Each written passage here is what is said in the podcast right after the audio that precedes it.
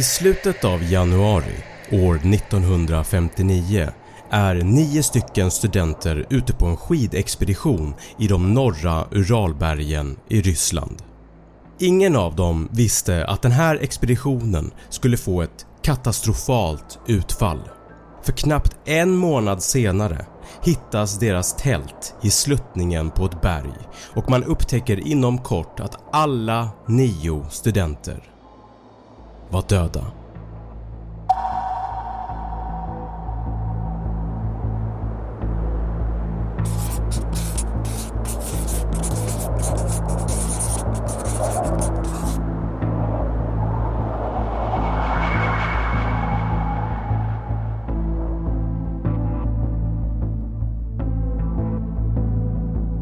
Vi befinner oss i staden Ivdel den 25 januari 1959 där gruppen av studenter från Uralbergens tekniska högskola hade precis anlänt med tåg.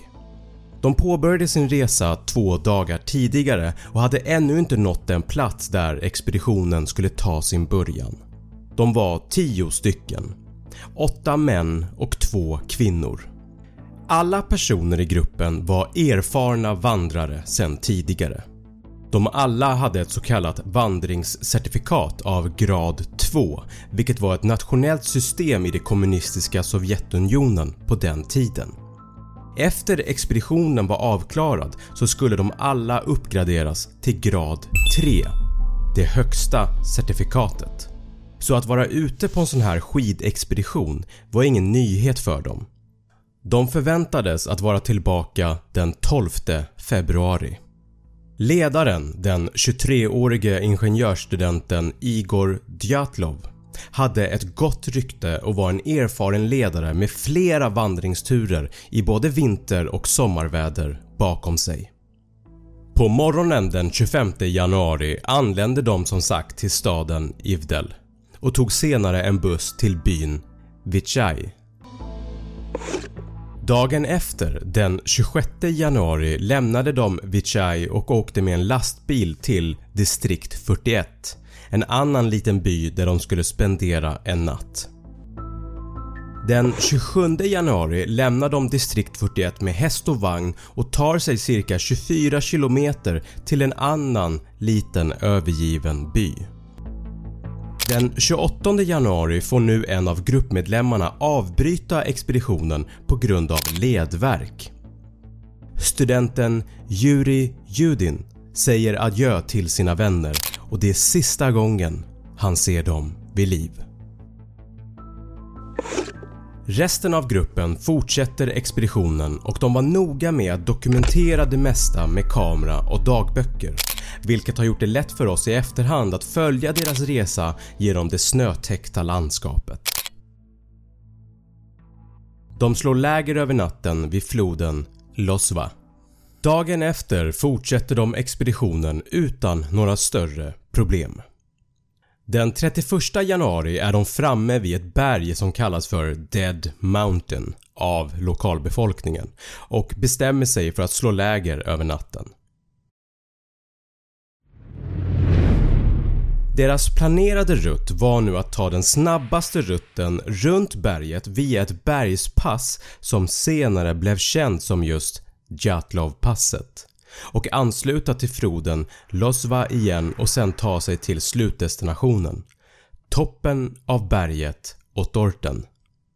Den 1 februari tar sig gruppen cirka 4 km upp för Dead Mountain och de två sista bilderna tas med kameran.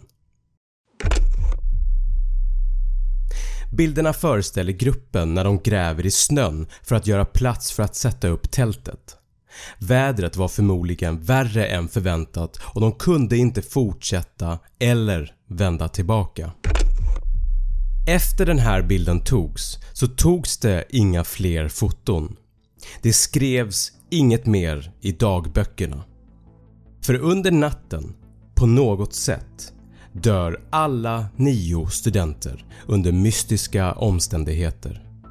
Ett mysterium som skulle förbli olöst i över 60 år.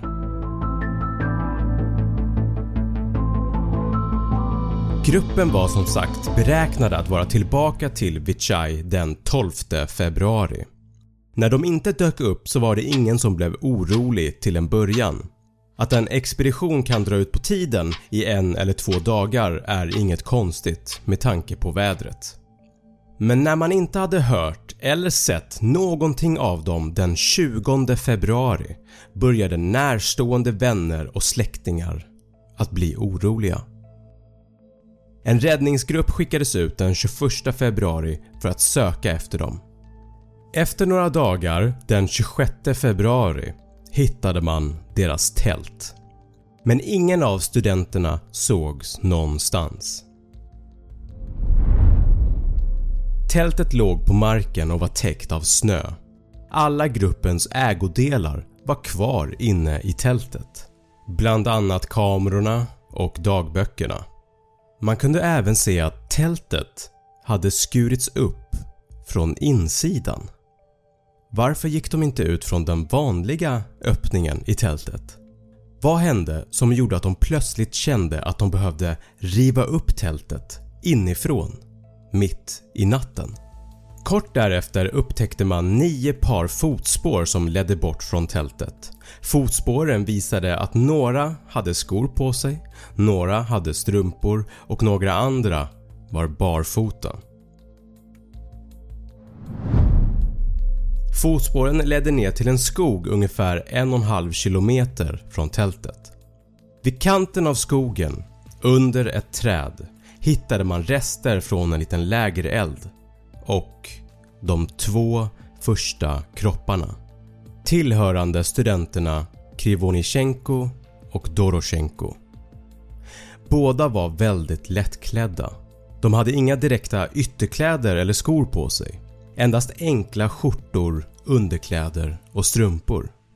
Grenarna på trädet över dem var brutna flera meter upp vilket kan ha varit ett tecken på att någon av dem hade klättrat upp i trädet för att titta efter något.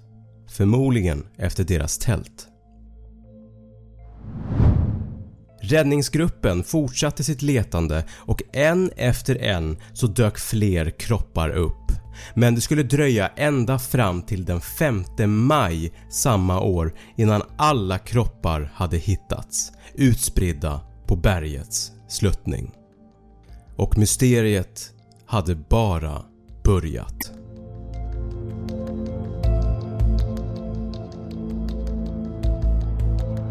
Det hade varit enkelt att bara fastslå att samtliga dog av kylan. Det var trots allt runt 40 45 minusgrader den natten. Men många av kropparna hade underliga och fruktansvärda skador som skapade en massa frågetecken. En kropp hade brännskador på huvudet och en annan hade brännskador på smalbenen. Djatlov, ledaren, hade lättare skador på kroppen. Ena kvinnan hade ett stort rött blåmärke på sidan av kroppen. Det såg ut att ha uppkommit efter ett hårt slag. Två av kropparna hade en skallfraktur den andra kvinnan hade 10 brutna revben och hennes ögon och tunga saknades. En annan kropp hade 5 brutna revben och även här saknades ögonen. På en av kropparna var ögonbrynen borta. Förutom de skador som jag tagit upp nu så hade samtliga en hel del mindre skador i ansiktet och på händerna. En läkare som undersökte kropparna sa att skadorna var så pass illa att det liknade skador som man kan få av en bilolycka. Vad hände egentligen där på berget?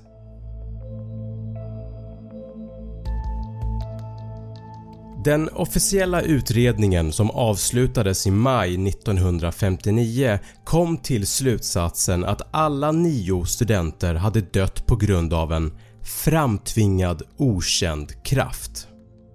Inte direkt ett svar som alla hade hoppats på och ur detta så föddes en hel del olika teorier om vad som kan ha hänt med medlemmarna i skidexpeditionen.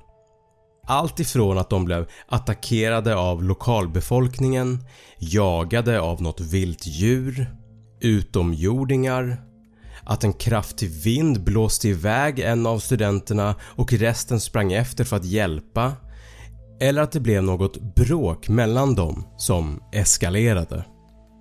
Det finns över 70 olika teorier från olika människor om vad som kan ha hänt.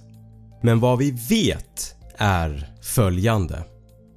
Tältet hade skurits upp från insidan. Fotspåren visar att samtliga medlemmar i gruppen lämnade tältet till fots. Det fanns inga tecken på att andra människor var i närheten.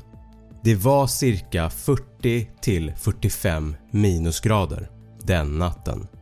Sex av dem dog av förfrysning och tre dog av fysiska skador. Ingen överlevde.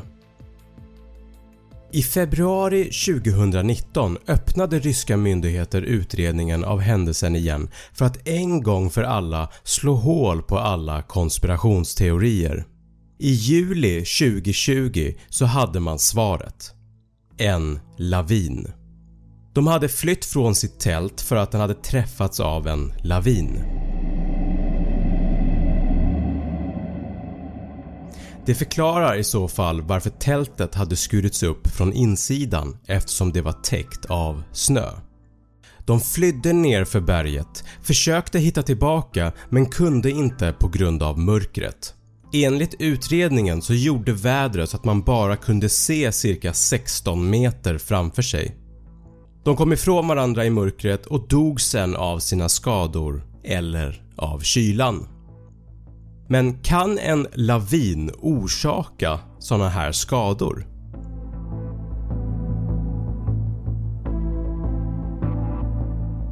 Kom ihåg att de grävde fram en plan yta i en sluttning för att kunna rigga upp sitt tält. Detta skapade en vägg av snö på sidan som löper upp mot berget och en slät yta av snö som löper ner för berget. Över natten så samlades snö ovanpå den här väggen av snö vilket till slut fick den att ge vika och lavinen var ett faktum. Torr nysnö beräknas ha en vikt på cirka 30-100 kg per kubikmeter medan fuktig nyfallen snö väger mellan 100-200 kg per kubikmeter. Att få ett sånt stort block av snö över sig kan mycket väl ge brutna reben och skallfrakturer. Men det förklarar ändå inte andra saker. Det fanns till exempel inga tydliga tecken som visade att det hade varit en lavin på platsen. Eller det faktum att ögonen och tungan saknades på vissa av kropparna. Eller att ögonbrynen var borta på en av dem. Vad kan ha orsakat det? Vilda djur hävdar utredningen. Men sanningen är ju det att ingen vet vad som hände efter att de lämnade tältet. 9 människor, 9 dödsfall, 9 frågetecken. Det verkar inte spela någon roll vilken teori eller förklaring man vill ge till den här händelsen för då är det någon annan detalj som inte stämmer. Det är precis som att varje kropp är en bit av ett pussel men att bitarna inte passar med varandra. Ett pussel som kanske aldrig blir löst. Tack för att du har tittat